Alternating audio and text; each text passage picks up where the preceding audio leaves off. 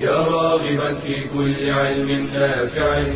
ينمو العلم ويتقدم تقنياته ومجالاته ومعه نطور أدواتنا في تقديم العلم الشرعي.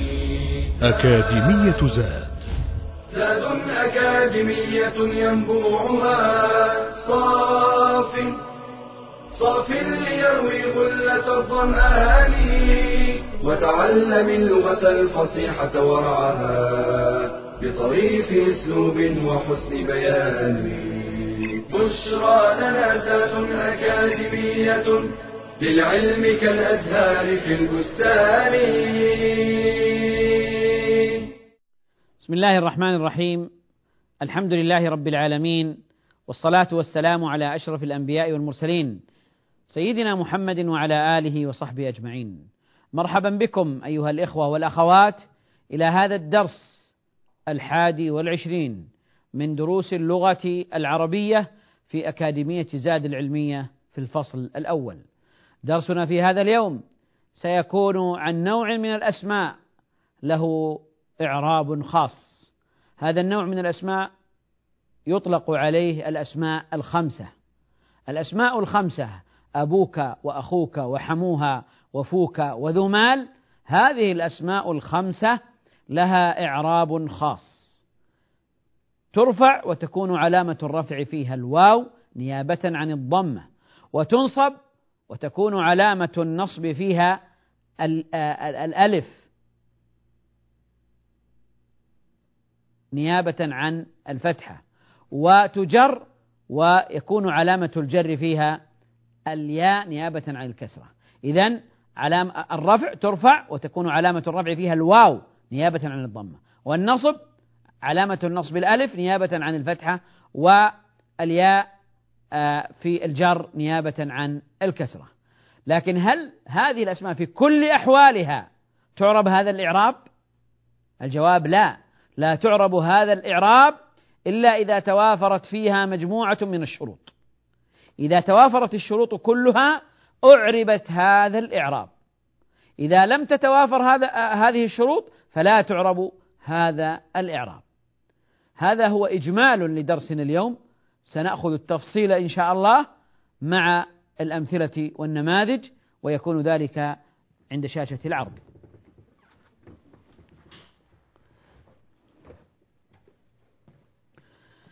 الأسماء الخمسة هي أبوك وأخوك وحموك أو حموها وفوك بمعنى الفم وذو بمعنى صاحب وذو بمعنى صاحب. هذه هي الأسماء الخمسة. هناك من يجعلها ستة لكن هي خمسة. أما السادس فله حالة خاصة له حالة خاصة. إذا أبوك أخوك حموك أو حموها فوك ذو. حموك أو حموها الحمو هو يعني أخو الزوج أخو الزوج هو حمو ولذلك نقول حموها يعني أخو زوجها. وفو بمعنى الفم فوك فوك نظيف بمعنى الفم. وذو بمعنى صاحب ذو علم ذو مال ذو فضل بمعنى صاحب علم صاحب مال. هذه هي الأسماء الخمسة. كيف تعرب؟ هي أسماء معربة تعرب كغيرها من الأسماء. لكن لكن إذا كانت في موضع رفع فعلامة الرفع الواو. علامة الرفع الواو. إذا كانت في موضع نصب فعلامة النصب الألف. إذا كانت في موضع جر فعلامة الجر الياء. إذا ترفع وتكون علامة الجر الواو. وتنصب وتكون علامة النصب الألف وتجر وتكون علامة الجر الياء وتكون علامة الجر الياء.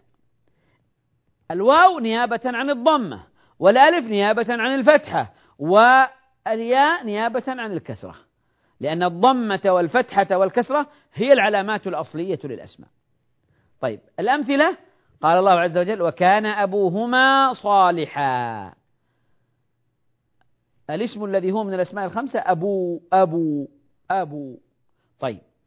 ما موقعه من الإعراب؟ جاء في موضع اسم كان. واسم كان مرفوع. واسم كان مرفوع. فإذا إعرابه اسم كان مرفوع. ما علامة الإعراب؟ هل علامة الإعراب الضمة؟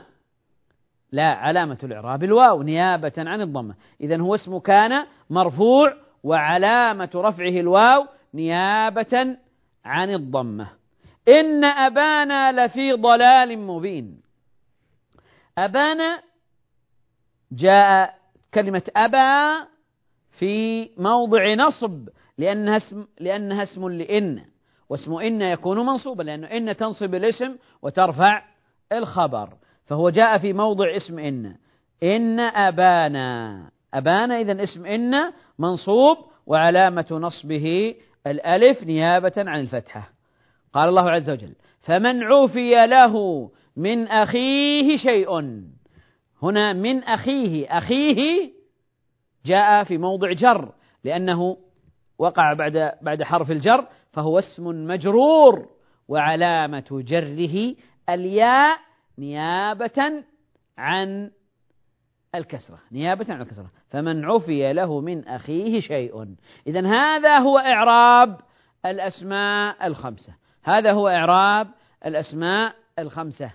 لكن هل هذه الأسماء الخمسة في كل أحوالها تعرب هذا الإعراب؟ لا. لا تعرب هذا الإعراب إلا إذا توافرت فيها ثلاثة شروط أو أربعة. ثلاثة شروط على الإجمال وأربعة على التفصيل. الشرط الأول هذه شروط إذا شروط إعراب هذه الأسماء هذا الإعراب. شروط إعراب الأسماء الخمسة هذا الإعراب الذي ذكرناه أنها علامة الرفع فيها الواو وعلامة النصب فيها الألف وعلامة الجر فيها الياء. ما تعرب هذا الإعراب إلا إذا توافرت الشروط كلها. الشرط الأول أن تكون مضافة لغير ياء المتكلم. وهذا الشرط متضمن لأمرين. الأمر الأول أن تكون مضافة. يعني يعني أنها لو لم تستعمل مضافة لو لم تضف إلى إلى إلى إلى الاسم بعدها فإنها لا تعرب هذا الإعراب. لا تعرب هذا الإعراب. وكذلك الإضافة تضاف لأي اسم سواء سواء كان اسما ظاهرا أو ضميرا لكن بشرط ألا تضاف إلى ياء المتكلم. إذا أضيفت إلى ياء المتكلم لا تعرب هذا الإعراب. إذا الشرط هو أن تكون مضافة لغير ياء المتكلم. معنى ذلك أنها لو لم تكن مضافة فلا تعرب هذا الإعراب. لو كانت مضافة إلى ياء المتكلم مثل أبي أخي فإنها أيضا لا تعرب هذا الإعراب. إذن الشرط الأول أن تكون مضافة لغير ياء المتكلم. الشرط الثاني أن تكون مفردة. يعني تدل على مفرد على واحد. أبوك أبي أبوك أبوه أبو زيد أبو خالد مفرد. فإن دلت على اثنين فإن كانت مثنى ثنيت أو جمعت فلا تعرب هذا الإعراب. إذن شرطها أن تكون مفردة. شرطها أن تكون مفردة. فإذا ثنيت أو جمعت يمكن أن تعرب إعراب المثنى أو تعرب إعراب جمع التكسير أو جمع المذكر السالم. الشرط الثالث أن تكون مكبرة. أن تكون مكبرة. إذا لا تكون مصغرة. لا تكون مصغرة. يعني دخل عليها التصغير. ألا يكون دخل عليها التصغير. التصغير. فإذا صغرت فإذا صغرت أعربت بالحركات الظاهرة. إذا صغرت أعربت بالحركات الظاهرة. إذا هذه هي شروط إعراب الأسماء الخمسة. الإعراب الذي ذكرناه بالواو رفعا وبالألف نصبا وبالياء جرا لا بد أن تتوافر هذه الشروط. تفصيل هذه الشروط أيها الإخوة سيكون بعد الفاصل بإذن الله تعالى.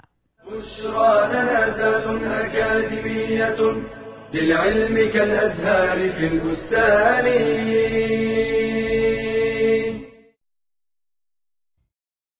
إذا أردت المحافظة على صحة صلاتك فتجنب مبطلات الصلاة ومنها بطلان الطهارة. قال صلى الله عليه وسلم لا تقبل صلاة بغير طهور.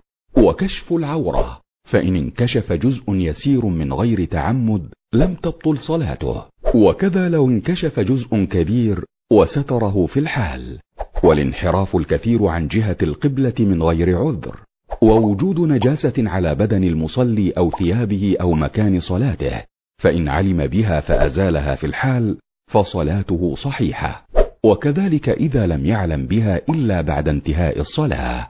والحركات الكثيرة لغير ضرورة.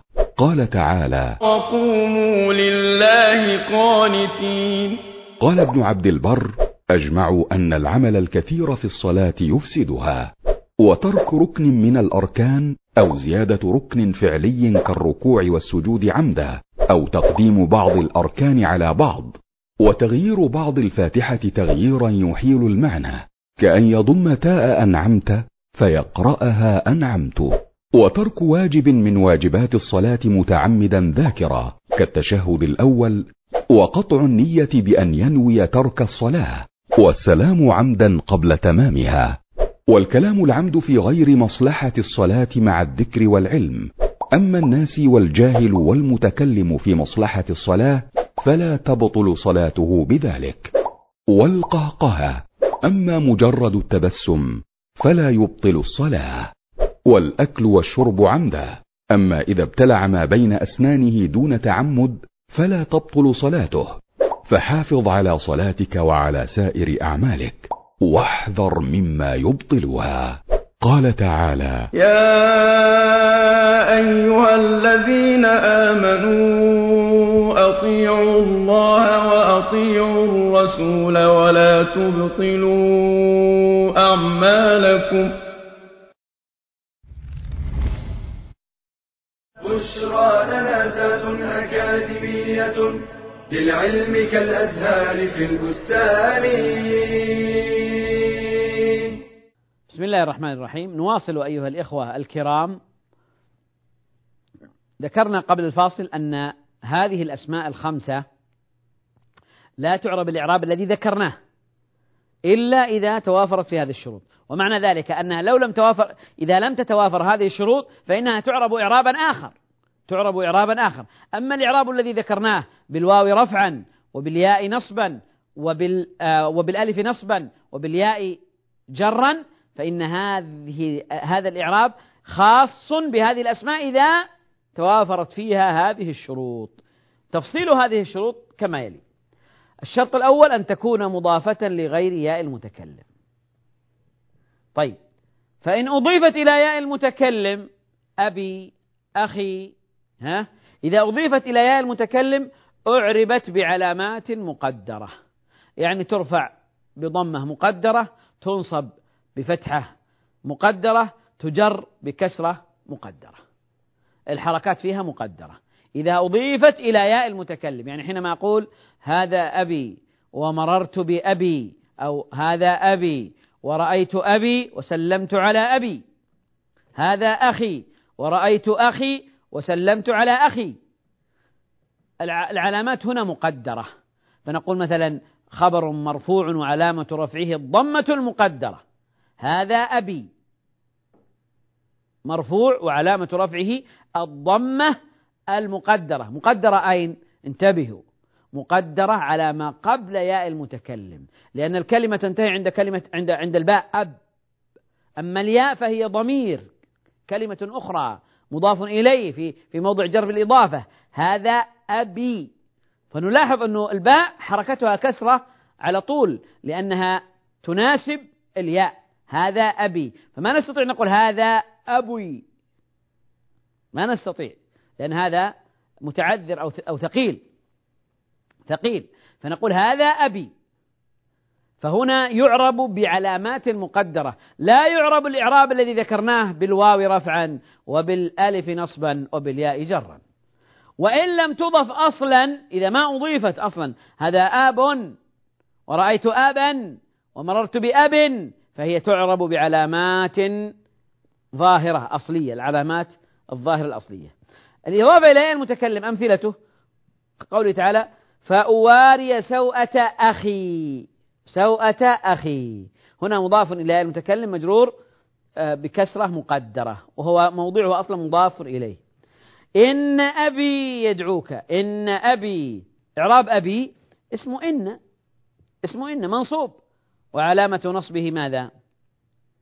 وعلامة نصبه الفتحة المقدرة. وعلامة نصبه الفتحة المقدرة. لا نستطيع أن نظهر آه، الفتحة لأن هذا ثقيل. ما نقول إن أبي إن أبي لأن الياء لا تتناسب إلا مع الكسرة. فنقول إن أبي اسم إن منصوب. وعلامة نصبه وعلامة نصبه ماذا؟ الفتحة المقدرة. منع من ظهورها اشتغال المحل بحركة مناسبة الياء. بحركة مناسبة الياء. عدم الإضافة قالوا إن يسرق فقد سرق أخ له من قبل. فقد سرق أخ فقد سرق أخ. فنلاحظ أن كلمة سرق هذا فعل ما فعل ماضي. وأخ فاعل وأخ فاعل فاعل مرفوع ما علامة رفعه. هل نقول علامة رفعه الواو؟ لا. لا نقول علامة رفعه الواو. نقول علامة رفعه الضمة الظاهرة. الضمة. سرق أخ. سرق أخ. لماذا؟ لأنه غير مضاف. لا تعرب بالحروف يعني لا تعرب بالواو رفعا وبالألف نصبا وبالياء جرا. الإعراب الذي ذكرناه أولا إلا إذا كانت مضافة. فهي هنا غير مضافة غير مضافة. لم تضف إلى اسم بعدها. أخ هكذا. منكرة غير مضافة. فبالتالي نقول إن أخ هنا فاعل مرفوع وعلامة رفعه الضمة الظاهرة. وقوله تعالى إن له آبا شيخا كبيرا. أبا إن له آبا انتبهوا هذه الألف ليست علامة نصب. وإنما لأنه تنوين منصوب منصوب تنوين منصوب اسم مفرد منون منصوب فآخره يكون ألف مثل ما نقول قرأت كتابا كتابا فإن له أبا فأبا إعرابها اسم إن مؤخر منصوب وعلامة نصبه الفتحة لماذا علامة نصبه الفتحة؟ لماذا لا نقول علامة نصبه الألف؟ الجواب لأنه غير مضاف لأنه ليس مضافا. إذا الشرط الأول في هذه الأسماء حتى تعرب بالحروف بالواو رفعا وبالألف نصبا وبالياء جرا الشرط الأول أن تكون مضافة لغير ياء المتكلم. أن تكون مضافة لغير ياء المتكلم. فلو أضيفت إلى ياء فلو أضيفت إلى ياء المتكلم أو لو لم تضف إلى ياء المتكلم فإنها تعرب بحركات. إذا أضيفت إلى إلى إلى ياء المتكلم تعرب بحركات مقدرة وإذا لم تضاف أصلا فإنها تعرب بحركات ظاهرة. الشرط الثاني. الشرط الثاني أن تكون مفردة. يعني تدل على الواحد. مفرد. تدل على المفرد. لو ثنيت أو جمعت لا تعرب هذا الإعراب. فإن ثنيت أو جمعت أعربت إذا كانت مثناة. إعراب المثنى وإذا جمعت جمع تكسير تعرب مثل جمع التكسير وإذا جمعت جمع مذكر جمع مذكر سالما تعرب إعرابه وتكون كالجمع المذكر السالم. فإذا الشرط الثاني أن تكون مفردة. أخوك مفرد. أبوك مفرد. حموها مفرد. ذو مال جاءني ذو مال مفرد. ذو مال ذو. أما لو ثنيت أو جمعت فإنها لا تعرب هذا الإعراب. إذن الشرط الثاني أن تكون مفردة أن تدل على المفرد. تقول مثلا في المثنى جاء أخواك جاء أخواك ورأيت أخويك ومررت بأخويك. ومنه قوله تعالى فلما دخلوا على يوسف آوى إليه أبويه. آوى إليه أبويه. هنا أبويه مثنى مثنى. ما إعرابه؟ فلما دخلوا على يوسف آوى إليه أبويه يعني يوسف آوى يوسف أبويه فأبويه مفعول به. منصوب. وعلامة نصبه ماذا؟ علامة نصبه الألف؟ ما عندنا ألف. علامة نصبه الياء. لماذا؟ لأنه مثنى. لأنه مثنى. فهنا يعامل معاملة المثنى لأنه افتقد شرط الإفراد. ليس مفردا. ليس مفردا. لو قلنا في غير القرآن مثلا آوى يوسف إليه أباه. أباه. لو لو أفرد أو آه، أمه وأباه أو أباه وأمه. هنا أصبح أباه مفرد. فهنا ينصب وعلامة نصبه الألف لأنه أصبح من الأسماء الخمسة. لكن لما جيء لما جيء به على صيغة المثنى عومل معاملة المثنى. عومل معاملة المثنى. فلما دخلوا على يوسف آوى إليه أبويه. فهو مفعول به منصوب علامة نصبه الياء لأنه مثنى. وقوله تعالى ولأبويه لكل واحد منهما سدس. لأبويه هنا مثنى. اللام حرف جر وأبويه اسم مجرور وعلامة جره الياء. علامة جره الياء لأنه مثنى. فهنا عومل معاملة المثنى. لأنه مثنى. ما يعرب إعراب الأسماء الخمسة التي ذكرناها بالواو رفعا وبالألف نصبا وبالياء جرا إلا إذا كان مفردا. إذا دل على المفرد مفرد. طيب في جمع التكسير جاء إخوتك ورأيت إخواتك ومررت بإخواتك. قال يا بني لا تقصص رؤياك على إخوتك. لا تقصص رؤياك على إخوتك. فهنا إخوة جمع تكسير أخ وإخوة جمع تكسير. طيب هذا الجمع له يعرب إعراب جمع التكسير يعامل معامل جمع التكسير. جمع التكسير يرفع وتكون علامة الرفع فيه الضمة وينصب وعلامة النصب الفتحة ويجر علامة الجر الكسرة. فإذا آه، حينما آه، نأتي إلى قول الله عز وجل يا بني لا تقصص رؤياك على إخوتك إخوتك اسم مجرور. وعلامة جره الكسرة. وعلامة جره الكسرة. إخوتك. على إخوتك. علامة جر فيه الكسرة. طيب لماذا لم يعامل معاملة الأسماء الخمسة؟ أو لماذا لا يعرب بالحروف؟ لماذا لا يعرب بالواو رفعا وبالألف نصبا وبالياء آه، جرا؟ نقول لأنه فقد شرطا وهو الإفراد. وكذلك قول الله عز وجل إنما المؤمنون إخوة. هنا إخوة خبر مرفوع وعلامة رفعه الضمة الظاهرة. طيب لماذا لم يعرب بالحروف؟ لأنه ليس مفردا وإنما يدل على الجمع المؤمنون إخوة. وكذلك في جمع المذكر السالم جاء ذووك ورأيت ذويك ومررت بذويك. هنا عمل معاملة جمع المذكر السالم لأنه على جمع آه، آه، بالواو والنون قبل الإضافة فلما أضيف حذفت النون فهنا يعامل معاملة جمع المذكر السالم ولا يعامل معاملة الأسماء الخمسة لأنه ليس مفردا ليس مفردا. فاصل أيها الإخوة ثم نواصل الحديث بإذن الله عز وجل. بشرى لنا أكاديمية للعلم كالأزهار في البستان.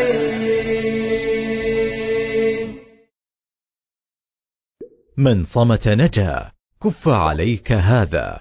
فليقل خيرا أو ليصمت. توجيهات نبوية كريمة بحفظ اللسان وإمساكه عن الشر والأذى. فالمسلم الحق من سلم المسلمون من لسانه ويده. لذا فإن من كمل عقله أمسك لسانه إلا من خير. فاللسان كالنفس إن لم تشغله بالحق انشغل بالباطل.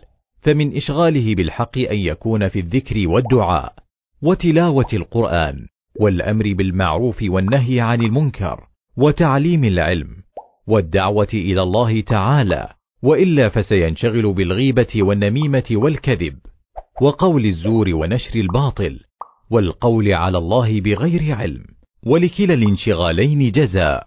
قال عليه الصلاة والسلام إن العبد ليتكلم بالكلمة من رضوان الله لا يلقي لها بالا يرفعه الله بها درجات. وإن العبد ليتكلم بالكلمة من سخط الله لا يلقي لها بالا يهوي بها في جهنم. فكل ما خرج منه يرصد ويكتب ويجمع ويحفظ. لينشر يوم الدين فإما خيرا يجازى عليه أجرا وثوابا. وإما شرا يجازى عليه إثما وعذابا.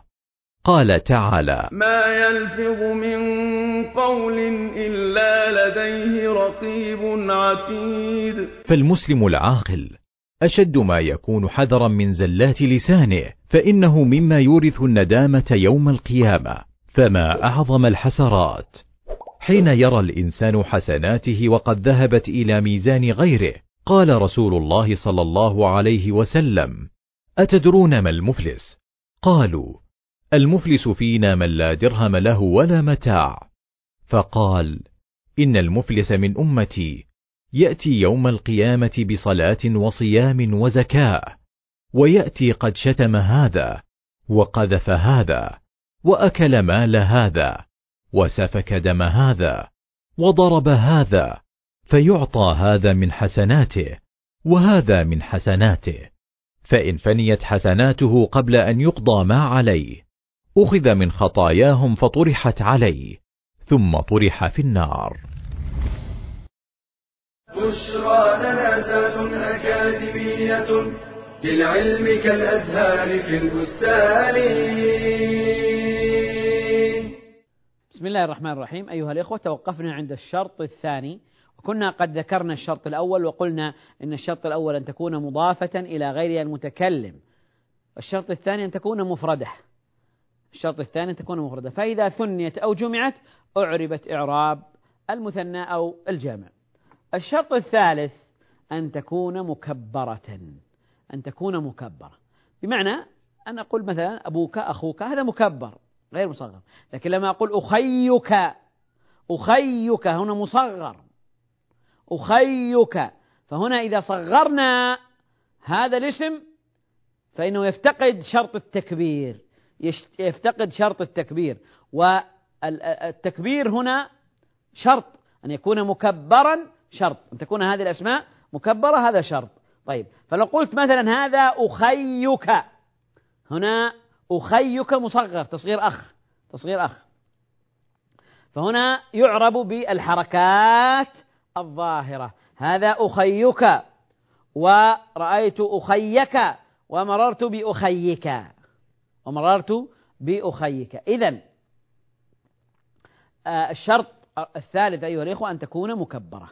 خلاصة شروط الأسماء الخمسة حتى تعرب بالواو رفعا وبالألف نصبا وبالياء جرا حتى تعرب هذا الإعراب لا بد أن تتوافر الشروط الثلاثة أن تكون مضافة إلى غير ياء المتكلم وأن تكون مفردة غير مكب آه غير مثناة ولا مجموعة وأن تكون مكبرة يعني غير مصغرة غير مصغرة.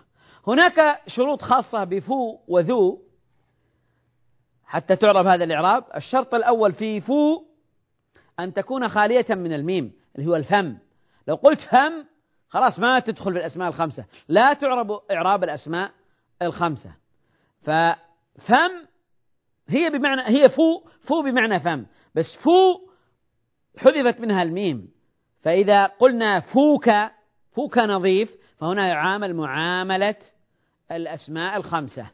بالواو رفعا وبالألف نصبا وبالياء وبالياء جرا. أما إذا إذا دخلت الميم فنقول فم هذا فمك ها؟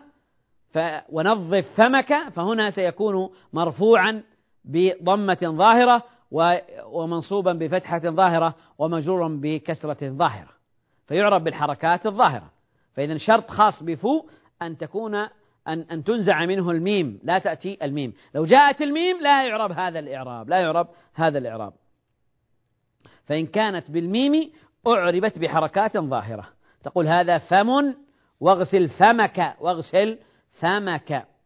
طيب ما في عندنا ألف ليس عندنا ألف هنا في النصب لأنه هنا منصوب بحركة ظاهرة وهي الفتحة. وهناك شرط خاص بذو. ذو يشترط ها أن تكون بمعنى صاحب. ذو أن تكون بمعنى صاحب. لأن ذو قد يستعملها بعض العرب ويقصدون بها الاسم الموصول. مثلا جاء ذو أكرمتك. يعني آه، أو جاء ذو أكرمك. جاء ذو أكرمك. يعني جاء الذي أكرمك. هذه لا تدخل هنا. لا تدخل ذو هنا إلا إذا كانت بمعنى صاحب. يعني لما أقول ذو مال أو ذو علم أو ذو فضل أو ذو جاه وهكذا. ذو بمعنى صاحب. بمعنى صاحب. فتقول مثلا هذا ذو علم. ورأيت ذا علم ومررت بذي علم بذي علم. فهنا ذو بمعنى صاحب فتعرب وتعامل معاملة الأسماء الخمسة بالواو رفعا وبالألف نصبا وبالياء جرا. فإذا الشرط الخاص بذو أن تكون بمعنى صاحب. لو جاءت وهي لا تدل على معنى صاحب فإننا لا ندخلها في الأسماء الخمسة ولا نعربها إعراب الأسماء الخمسة. إذا خلاصة الكلام في الشروط أيها الإخوة في شروط الأسماء الخمسة حتى تعرب إعرابا بالحروف بالواو رفعا وبالألف نصبا وبالياء جرا حتى تعرب هذا الإعراب لا بد من توافر الشروط. هناك شروط عامة تشمل الأسماء الخمسة وهي أن تكون أن تكون مضافة إلى غيرها المتكلم وأن تكون مفردة يعني ليست مثناة ولا مجموعة وأن تكون مكبرة يعني ليست مصغرة. وفو لا بد أن يكون من غير الميم يشترط فيها أن لا تكون فيها الميم أن لا تدخلها الميم وذو يشترط فيها أن تكون بمعنى صاحب بمعنى صاحب. فإذا توافرت هذه الشروط في هذه الأسماء الخمسة فإنها تعرب بالحركات بالواو رفعا وبالألف نصبا وبالياء جرا وبالياء جرا. طيب. الآن أيها الإخوة نأخذ أمثلة لأسماء اختلت شروطها. ورفع أبويه على العرش. كلمة أبويه. ورفع أبويه على العرش.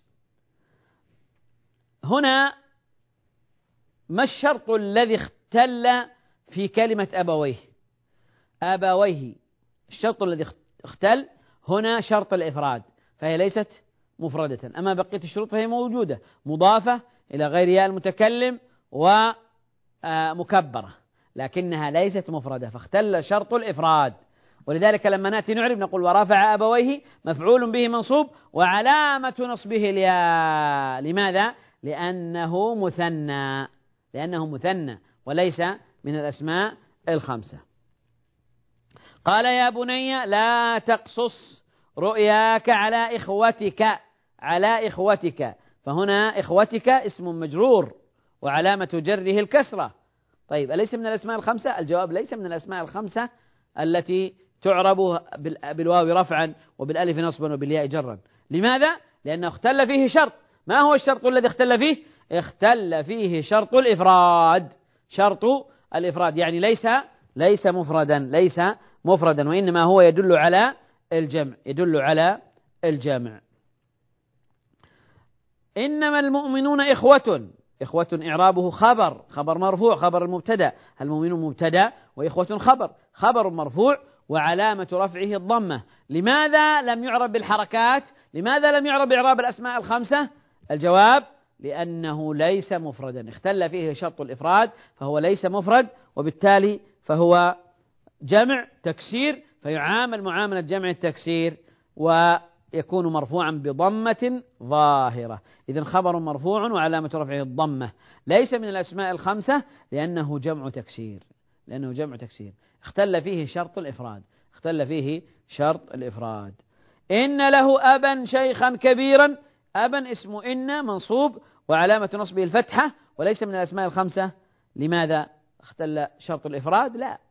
إنه مفرد. أب إن له أبا شيخا كبيرا. مفرد. طيب مصغر؟ لا. هذا مكبر. أبا. مو هو أبي. طيب إذا ما الشرط الذي اختل؟ اختل أنه غير مضاف أصلا. غير مضاف. ليس مضافا. ليس مضافا. فاختل فيه شرط الإضافة. فلذلك فلذلك أعرب بالحركات الظاهرة. أعرب بالحركات الظاهرة. إذا الخلاصة أيها الإخوة. الخلاصة. أن الأسماء الخمسة التي هي أبوك وأخوك وحموها وفوك وذو مال هذه الأسماء الخمسة ترفع وتكون علامة الرفع فيها الواو. وتنصب وتكون علامة النصب الألف. وتجر وتكون علامة الجر الياء. متى؟ بالشروط التي ذكرناها. اشترط لذلك يعني لهذا الإعراب أن تكون مفردة يعني غير مثناه ولا جمع. وأن تكون مكبرة يعني ليست مصغرة وأن تكون مضافة إلى غير ياء المتكلم إلى غير ياء المتكلم. وبهذا نكون قد أنهينا الحديث عن الأسماء الخمسة. إلى أن نلتقي أيها الإخوة في درس قادم أستودعكم الله والسلام عليكم ورحمة الله وبركاته.